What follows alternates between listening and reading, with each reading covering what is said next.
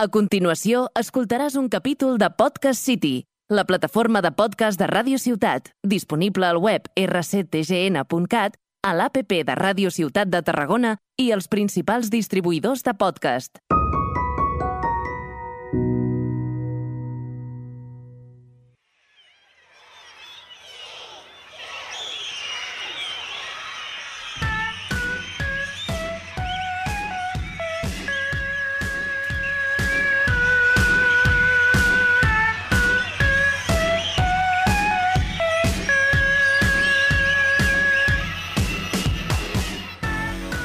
Hola, bienvenidos. Oh, Luis, déjame, déjame un poquillo más el tema.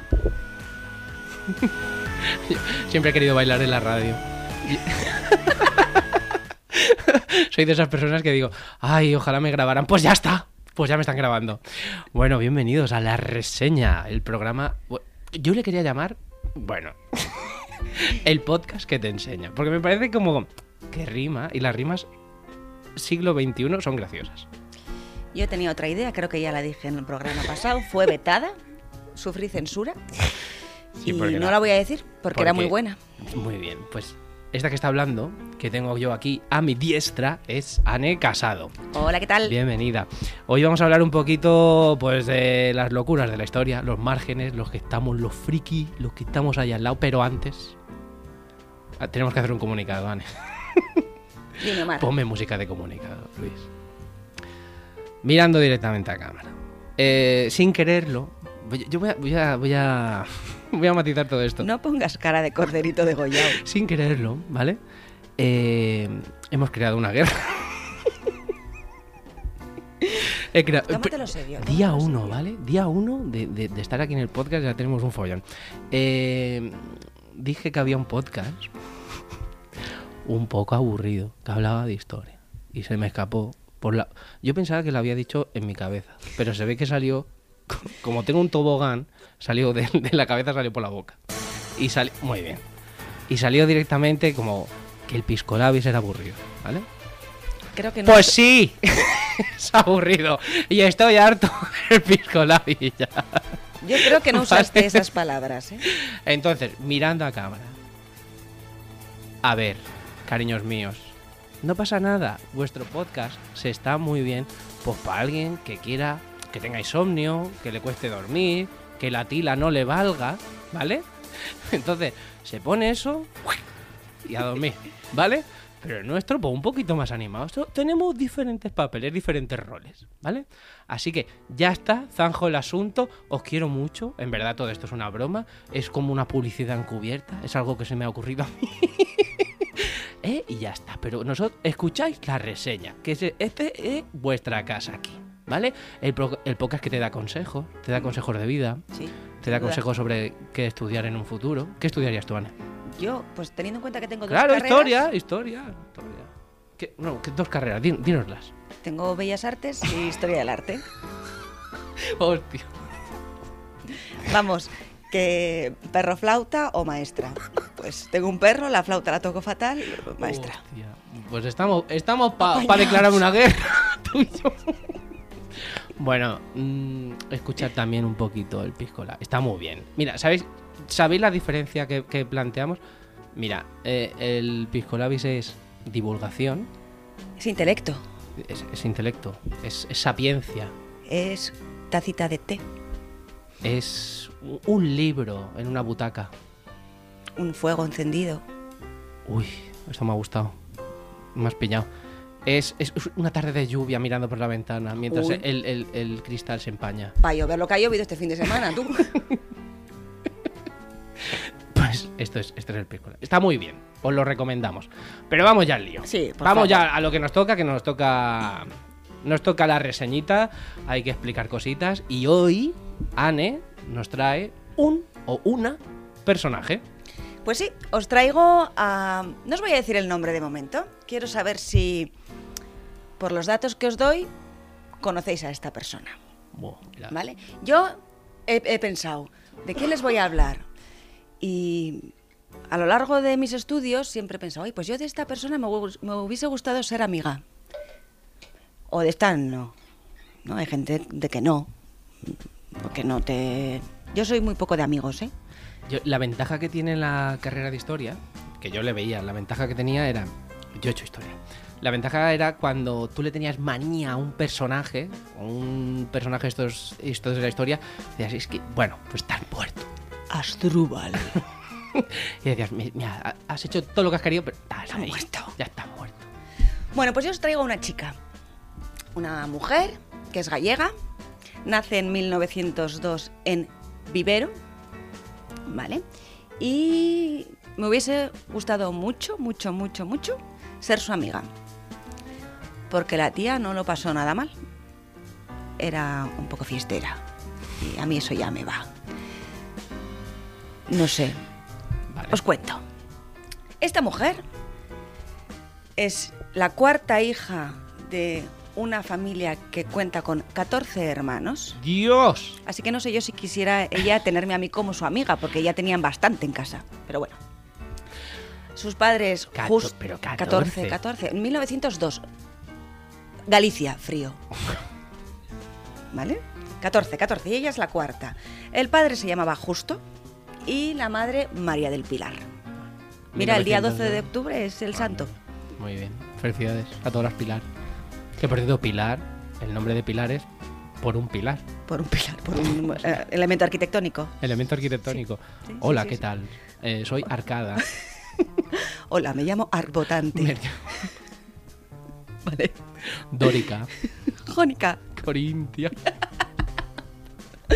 Molt bé. Vale, 14 hermanos, ella la cuarta. Eh, nace en Vivero y de una familia pudiente, a ver, para mantener 14 bocas, de unido. Vale, familia pudiente, y se trasladan en 1920 eh, a Avilés. Allí ella, con el apoyo de su padre, empieza a recibir clases de dibujo. Siempre pasa que en los personajes artísticos, en sus biografías siempre dicen, oh, tenía una, tuvo una infancia dramática, hoy sí, el padre ya vio que tenía capacidades. Siempre pasa esto, no sé por qué. Esta no tuvo una infancia dramática. Bien. Se van a Avilés, empieza a recibir clases de dibujo y parece que la criatura es buena. Total, que la mandan a Madrid y supera el examen para entrar en la Real Academia de Bellas Artes de San Fernando. Que se ve que era chungo que te cagas. Que entrara una mujer a estudiar. Meh, Pero imagínate, o sea, hacer ese examen era selectividad hoy en día era un chiste. ¿Vale? Total que entra allí, 1922. Y allí, pues como todos los que hemos ido a la universidad, conoce a lo mejorcito de cada casa. ¿Vale? Se hace amiga de Dalí, de ¡Opa! Lorca. ¡Epa! Sí, sí, sí. Del que sería después su futuro marido, pero que además este futuro marido tuvo un rollo con Lorca. Me se empieza a sonar. Sí, sí, ¿conoces? El marido de esta persona se llama Emilio. Emilio es escultor. Y como os digo, pues eh, antes de, de ser la- el primero amigo, después amante y después marido de nuestra personaje, pues tuvo un romance desde 1926 hasta 1927, Un añito. un añito, con eh, García Lorca. Sí, sí, sí. Total, que la mujer tenía nombre, sus padres le pusieron un nombre, un nombre, por cierto, muy bonito. Venga, desvela. Ana María, Pues no me suena. de nada. Pero es bonito. es bonito, es, es como bonito. yo en castellano. Ah. Yo soy Anne Miren, ella Ana María. Pues la tía Bueno, bueno, bueno, bueno, lo que acabo de descubrir. no me creo. Tiene carrera universitaria, muy bien. Pero como tú has dicho ya, no es lo mismo los estudios de ahora que los de antes. Yo soy de los de ahora. Bueno, pues se llamaba Ana María. La tía no, se ve que no le gustaba el nombre y se lo cambió por uno mucho más bonito. Ah, que se lo cambia. Sí, se lo cambia, se lo cambia por Maruja Mayo, Ahora. que junto después de Ana María, pues Maruja, Maruja Mayo. pues mucho mejor. Pero Vale, no, vale, venga, no se queda, no se queda ahí, ¿eh? Porque dice, ¿Y por qué se lo cambia? ah, yo qué sé, pregúntaselo a ella, ¿qué me cuentas? Con lo bonito que es Ana María. Mi abuela se llama Ana María, Pero Maruja Mayo. Pero que no se queda ahí la tía, o sea, ella se, se pone nombre artístico Maruja Mayo. pero- Ar- artístico, no, no es que ella diga. No, "Me no va- no va al registro y nombre". se cambia, no. Ah, vale, vale, vale. Nombre vale, artístico, vale. Maruja nombre, Mayo. nombre artístico, venga. Eso está guay. Venga, va. Nombre de guerra. Bueno, pues- Maruja Mayo. Pues no Acrónico, eso- mama. No. Dice, pues me voy a llamar Maruja Mayo de nombre artístico, pero me vas a llamar así de colegas Marunica. Marunica. A mí esta gente así como tan estrambótica me encanta. Marunica. Total, que se cambia el nombre por Maruja Mayo, después ella se hace, ¿no? Entre amigos, Marunica. Va a la Academia San Fernando, 1922. Allí conocerá, pues eso, ¿eh? A la crema. A la creme de la creme. Y formará parte, con toda esta peña que conoce ahí en el bar, de la generación del 27. Bis. ¿No? Como la- las mujeres, la generación de 27, bis. Bueno, pues entre otras mm, hazañas, la tía ah, pintora, Vale. no te he dicho, pintora surrealista. ¿Vale? Su- Subrealista. O surrealista. Surrealista. Surrealista. Subrealista, o sea, por debajo de la realidad. Por debajo de la realidad. De acuerdo. Eh, buscarla en internet. ¿Está guay lo que hace? A mí me Ah, gusta. voy a mirarlo. Maruja Mayo. Maruja Mayo. Sí, Tú sí. sigue, sigue, sigue. Bueno, pues entre otras cuestiones, en una de estas excursiones que hace con sus colegas de la generación del 27, van al monasterio de Silos. No sé si has estado. No. Yo tampoco. Eh, la cuestión es que para entrar en un monasterio, los allí presentes les dicen a ella y a otra chica que iba con ella, iban unos cuantos y dos chicas entre ellos. Le dicen, no, no, es que aquí las faldas no pueden entrar. Ay, Dios. Y dicen, no hay problema. No. ¿Y qué te piensas que hacen? Se las quitan. Se las quitan, pero no van a entrar en ropa íntima, ¿no? Se hacen un pantalón. Se ponen las chaquetas de los caballeros a modo de pantalón. Bien. Y en una de sus declaraciones decía que eh, habían dejado entrar a las primeras mujeres Jesús Transvestidas. transvestidas en un monasterio. Esta es la primera. Luego otra cosa que a mí me hizo mucha gracia y que he, he adoptado ya para toda la vida, para siempre, eh, forma parte también de los sin sombrero. ¿Tú habías oído hablar ¿Ah, sí? de estos? ¿Qué sabes de ellos? Cuéntame. Ay, los sin sombrero no son como un grupito que va haciendo gamberradas por la zona de Madrid. Así como, ah, somos bohemios, somos locos. Efectivamente. Y somos muy guays. Bueno, pues en una de estas, una de las mm, ¿He cosas locas. Sí, sí, sí, sí. Toma, carrerita de historia ahí para todos vosotros. Quesito amarillo. El- la cuestión es que se llaman así porque dicen que se quitan el sombrero, que parecía como súper loco en el momento, que ahora dicen, pues se quito el sombrero, yo en mis niños en clase no les dejo tener gorras puestas. Eh, y he adoptado la frase que dijo esta mujer para mis niños cuando llevan la gorra puesta. Se quitaron los sombreros para dejar ir las, airearse las ideas. Que- Vaya pastel. Sí, sí, sí, sí, sí.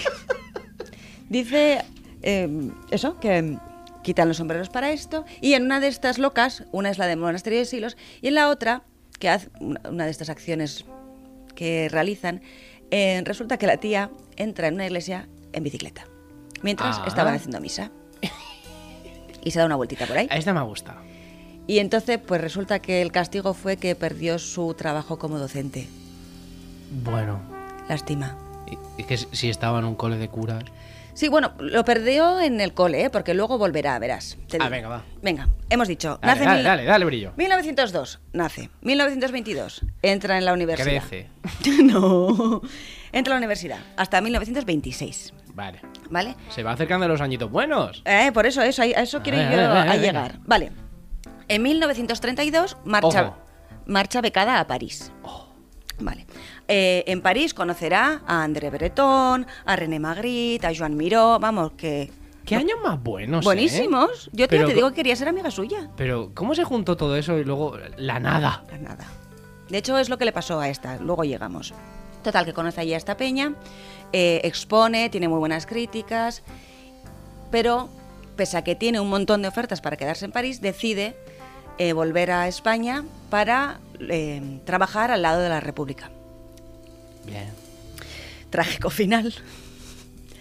Eh, regresa y se eh, participa en las misiones pedagógicas de la República, que no sé si sabes lo que son. Sí. Imagino que sí. Explícales a nuestros oyentes, anda. Las misiones pedagógicas fue lo último bueno, pobrecitos míos, que hicieron el gobierno de la República. Como había un montón de gente analfabeta y que no tenía acceso a las escuelas, pues lo que se intentó pues es hacer una especie de escuelas itinerantes, que era un camioncito con, con libros, con un poco de platea para hacer teatro, iba por los pueblos Y entonces hacían pues un show cultural, eh, entregaban libros, hacían como de biblioteca, hacían algún tipo de clase, enseñaban a leer y poco más. Podríamos llamarles hoy en día unas school track. School... ¡Oh! Compro. Compras, ¿verdad? Compro. Para mí los, los track. food track de ahora, que son como súper cool, para mí toda la vida han sido salchichauto, Para mí churrería. la churrería. sí. Una churrería con una food. Sí. Bueno, pues esta gente se dedicaba muy bien a esto, ¿no? Iba, iba por lugares de España que eran pueblos pequeños que no tenían escuelas y se dedicaban a enseñar a leer, a escribir y estas cosas a los niños. Pues participó de esto esta mujer. Eh, y llega a 1936. Eh, está, bueno, un golpe, un golpe de Estado, que no sé si sabéis algo. Yo no, no sé. No sé qué edad tienen nuestros oyentes. Mis alumnos, hasta cuarto de la ESO con suerte, no oyen hablar de la Guerra Civil Española. Es que ya no están ni los abuelos. Eso que decíamos, la guerra del abuelo. Mm. Es que eso ya no está ni el abuelo. Bueno, pues estalla la guerra y a Maruja, Ana María, le engancha en Galicia, en su tierra natal. Buen sitio para que te pille la guerra civil. Sí. La cosa es que entre todas estas amistades que había forjado a lo largo de su vida, está la que era la... ¿Cómo se llama esto? La embajadora de Chile, que estaba en Lisboa. Y esta le hace un salvoconducto para pasar de Galicia a Lisboa y de allí marchar a Sudamérica. Marchar a Chile y a Buenos Aires. No se lo piensa, se No, pira. no, no, no se pira. Pues mira, no sé qué decirte, bien hecho, casi.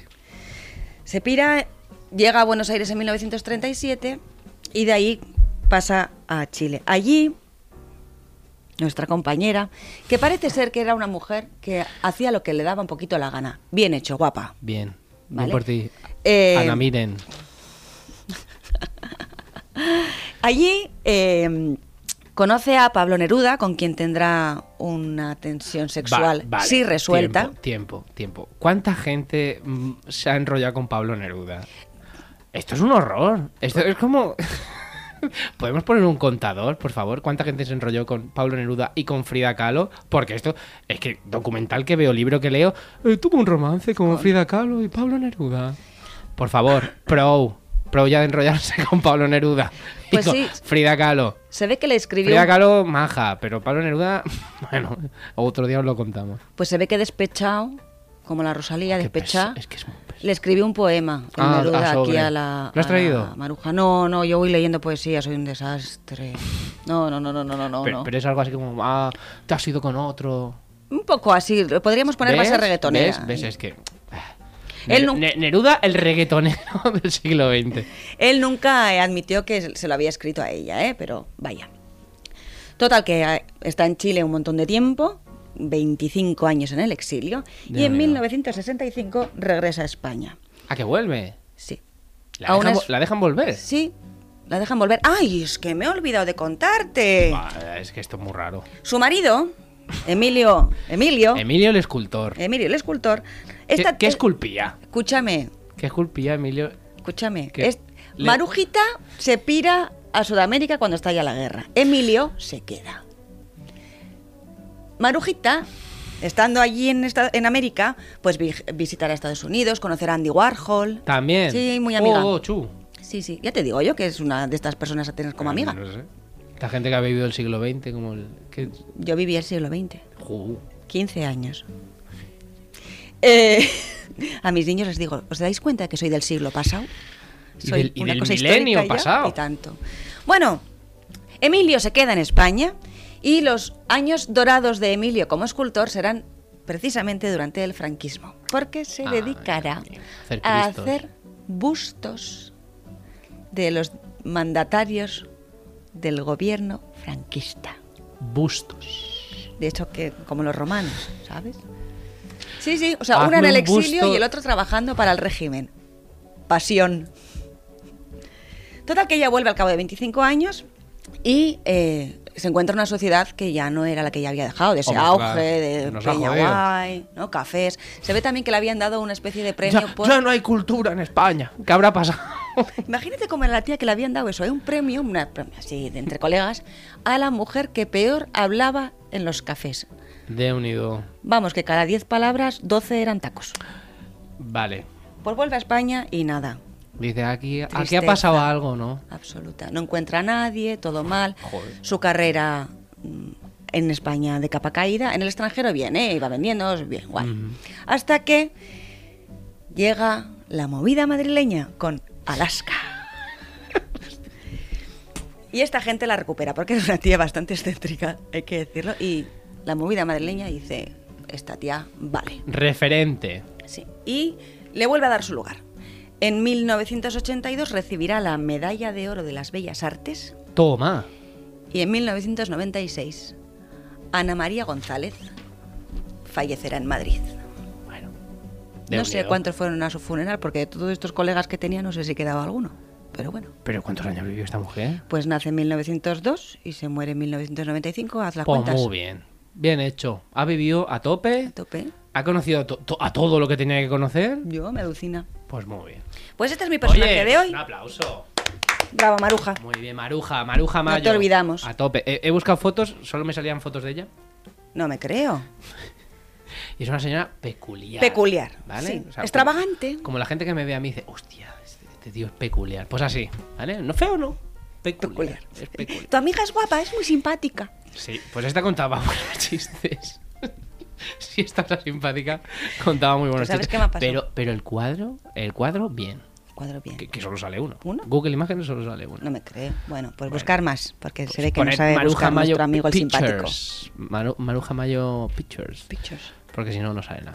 Muy bien. ¿Sabes qué te iba a decir, no? Dime, dime. Ahora que decía esto de que era peculiar, no sé qué. Tú imagínate, yo no era ni la amiga guapa ni la simpática. Es que, Albert, es que vienes de otro mundo. Ya, De es otro mundo que es el, bueno, el País Vasco, podemos decirlo, ¿no? Ya, pero es que ni en el País Vasco Ay, era ni la guapa ni la simpática, imagínate. Pero tía, los 80 en el País Vasco. Ahí... ¿Qué pasa? Yo nací en el 85, buen año. Joder. Toda una me- generación perdida. en todo el meollo. Muy bien. Oye, pues yo te he traído... ¿Tú me has traído alguna reseña? Yo te he traído, pero quiero irte a ti, que llevo rato hablando ya. Sí, la verdad que sí. Yo te he traído una reseña. Un- Bueno, te he ¿Tengo traído un adivinar? sitio. Tienes que adivinar. Venga. Pero hoy, hoy está easy peasy. Vale. Hoy está muy fácil. De hecho, voy a intentar que no se me escape de qué sitio es. ¿Me puedes, me puedo saludar? Puedes. Quiero mandar un saludo aquí a Piscolabis. ¿Eh? Pisco, sois, Beso. Los, me- sois los mejores. Os quiero. Os quiero. Vamos a hacer una reseña, ¿vale? Venga. Yo te digo, bueno, recordamos un poco cómo funcionamos, ¿vale? Eh, yo busco reseñas malas, eh, las que más gracia me hacen, es una cosa totalmente personal, y entonces Anne tiene que intentar adivinar de qué sitio, a qué sitio me refiero. La semana pasada era muy fácil. ¿eh? Eh, Esta semana también es fácil, Venga. pero es que, es, es que para mí es muy gracioso, Vale, ¿vale? Eh, empiezo y ya empiezo con una pista. vale. ¿Vale? Eloisa dice, un parque precioso, pero un lugar donde el ciudadano va a buscar tranquilidad, a disfrutar de los bellísimos árboles y de los trinos de los pájaros. ¡Ay! De entrada, una trompeta que es imposible evitar. Más adelante, un ensayo de baile con una radio a tope. Paseos tranquilos por los senderos imposibles, agredidos por patinetas, bicicletas que adoran pasarte de refilón a toda velocidad lo más cerca posible y la gente, que cada vez habla más a gritos, los niños maleducados, dando patadas, no a balones, sino a los macizos de flores. Resumiendo, un estrés insoportable, un ruido que impide la búsqueda de un cierto reposo, que mala educación y que poco respeto a un lugar tan bello. Volveré cuando llueva jarros. ¡Pum! Total verdad. La gente chilla demasiado. Y lo estoy diciendo a gritos. La gente Que chilla paréis ya de gritar por la calle, por favor. Que me da igual vuestra conversación, que estoy todo el día oyendo gritos por la calle. No te puedes acercar y le dices lo que le tengas que decir. Tanto a grito. O esa gente que grita por teléfono. ¿Por qué gritas por teléfono? ¿Por qué? Yo quiero saber por qué gritas por teléfono. Tengo un vecino. ¿Qué tipo de cobertura tienes? Contrata, Tengo contrata vecino megas. tengo un vecino que es de Colombia. Y llama todas las semanas, dos o tres veces, a su familia en Colombia. Maravilloso, me parece estupendo. Yo hablo con mi madre casi, casi cada día. Pero es que no sé para qué usa el teléfono. ¡Hola Colombia! ¿Cómo está Colombia? Todas ¿Cómo, las cómo está el país, no? Pues si te tienen que poner al día de cómo está Colombia. Escúchame, hubo una semana que no le oímos ningún día y pensábamos que es que no, o de vacaciones en Colombia. ¿Ya sabes de, de qué tengo sitio dos, hablo? Tengo dos, me hace falta otra para Vale, descartar. Vale. Creo que estoy segura, pero por si acaso. Eh, hoy es fácil, ¿vale? Eh, ahora te voy a decir una de estas de máxima desubicación total. Ah, pues O sea, ¿me es- vas a ayudar?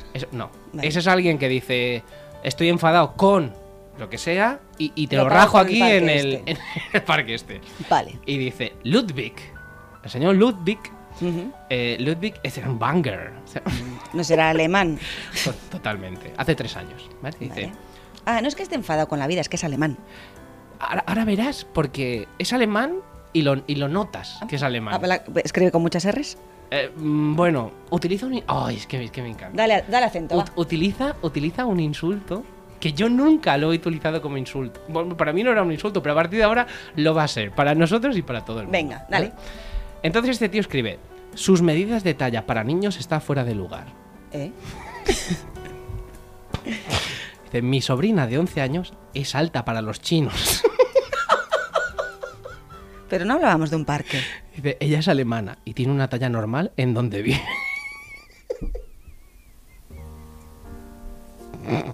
Vale, o sea, el, nombre me- del parque. Vuelvo, vuelvo. Mi sobrina de 11 años es alta para los chinos. Ella es alemana y tiene una talla normal en donde vive. Y para el restaurante ya no es una niña. Aquí lo que yo intuyo, ¿vale? ¿Y dónde está el insulto?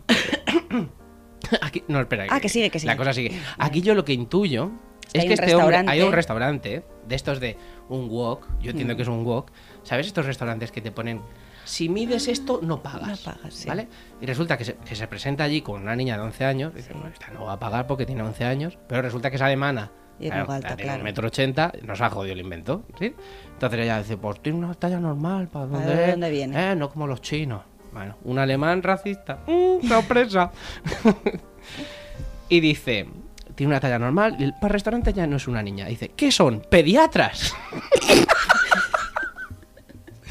Mejor sería que verifiquen su fecha de nacimiento. Y encima la mujer que nos atiende me trató como si la quisiera engañar. Accedí solo por educación. Ya había invitado a mis familiares que están de visita, pero es la última vez que voy y también a mis familiares. ¿Qué se habrán imaginado? Y en mayúscula pone, pediatras. O sea, a partir de ahora, pediatra. ¡Pediatras! ¡No me seas pediatra! ¡Pediatra! ¿Qué- ¿Pediatra tú o qué? ¿Eh? Vale, entiendo que es un parque que hay un restaurante cerca que tiene el nombre homónimo al parque. Vale. Luego Margarita Álvarez, ¿vale? Dice, un desastre, que no se te haga tarde allí dentro porque te dejan encerrado. y el guardia de seguridad que y el guardia de seguridad que se encarga de cerrar las puertas se ríe de ti. Le pides por favor para salir y te dice que vayas a la siguiente puerta de muy mal humor. Y como él va en coche más rápido, te la cierra y se sigue riendo de ti y así sucesivamente. Yo fui a un evento luna de octubre y decía en el folleto de 8 a 3 de la mañana y esto me ha sucedido a las 10. Horrible experiencia en este parque. Vale, creo que lo tengo. ¿Cuál Esto es? solo ¿Cuál lo pueden hacer los madrileños. Sí, correcto. Estamos hablando Es el Retiro. del Parque del Retiro. Muy bien. Ay, Dios. Y ahora te voy a leer, porque esto sucede. Yo leyendo muchas reseñas, hay gente que te explica un cuento, Vale. ¿vale? Hombre, la primera reseña que has leído, así con, ese tono- con esa tonalidad, Voy, era voy- como voy a intentar, voy a intentar leerla igual, ¿vale? Vamos a rapsodar esta reseña. Dale. Eh, ¿Sabes cómo se titula? Runners agresivos. Uh, es de terror. Primera hora de la mañana. Era un día de otoño soleado. La brisa corría suavemente, llevando consigo las hojas anaranjadas de los árboles de un lado al otro del parque. Estaba feliz, ya que los cálidos rayos de sol me habían hecho olvidar el frío gélido de la noche pasada en mi litera de tres al cuarto. Lo que no sabía es que esa sensación de, ino- de inocente felicidad iba a durar tan poco. Qué bonito, ¿eh? Decidí, es que es, es que es, es que es un artista. Decidí salir a dar un paseo cerca de casa. Me habían hablado de un parque donde los sueños de los runners se hacían realidad, que se llamaba El Retiro. Nada más oír ese nombre, se me puso la piel de gallina y supe que este era mi momento. Rápidamente tomé las riendas de mi vida, me puse mis mejores vestimentas de corredor profesional y corrí escopeteado hacia aquel lugar bendecido por los dioses.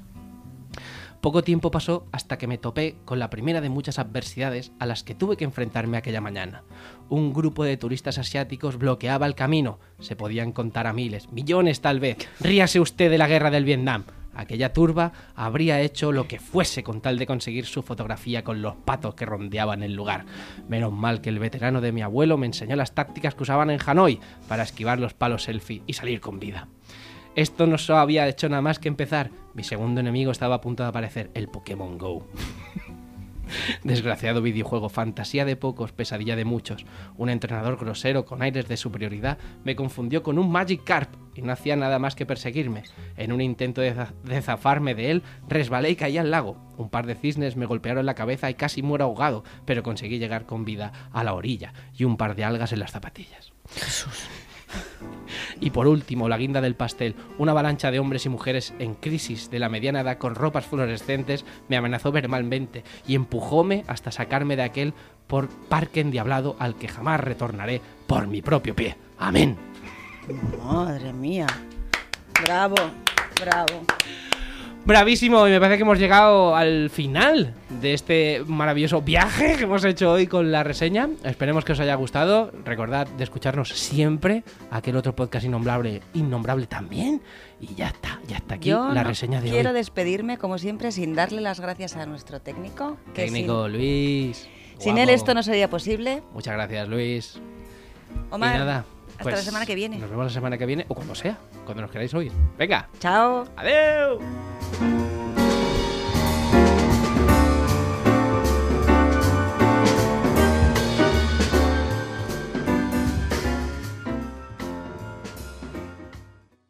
Has escoltat un capítol de Podcast City, la plataforma de podcast de Ràdio Ciutat, disponible al web rctgn.cat, a l'APP de Ràdio Ciutat de Tarragona i els principals distribuïdors de podcast.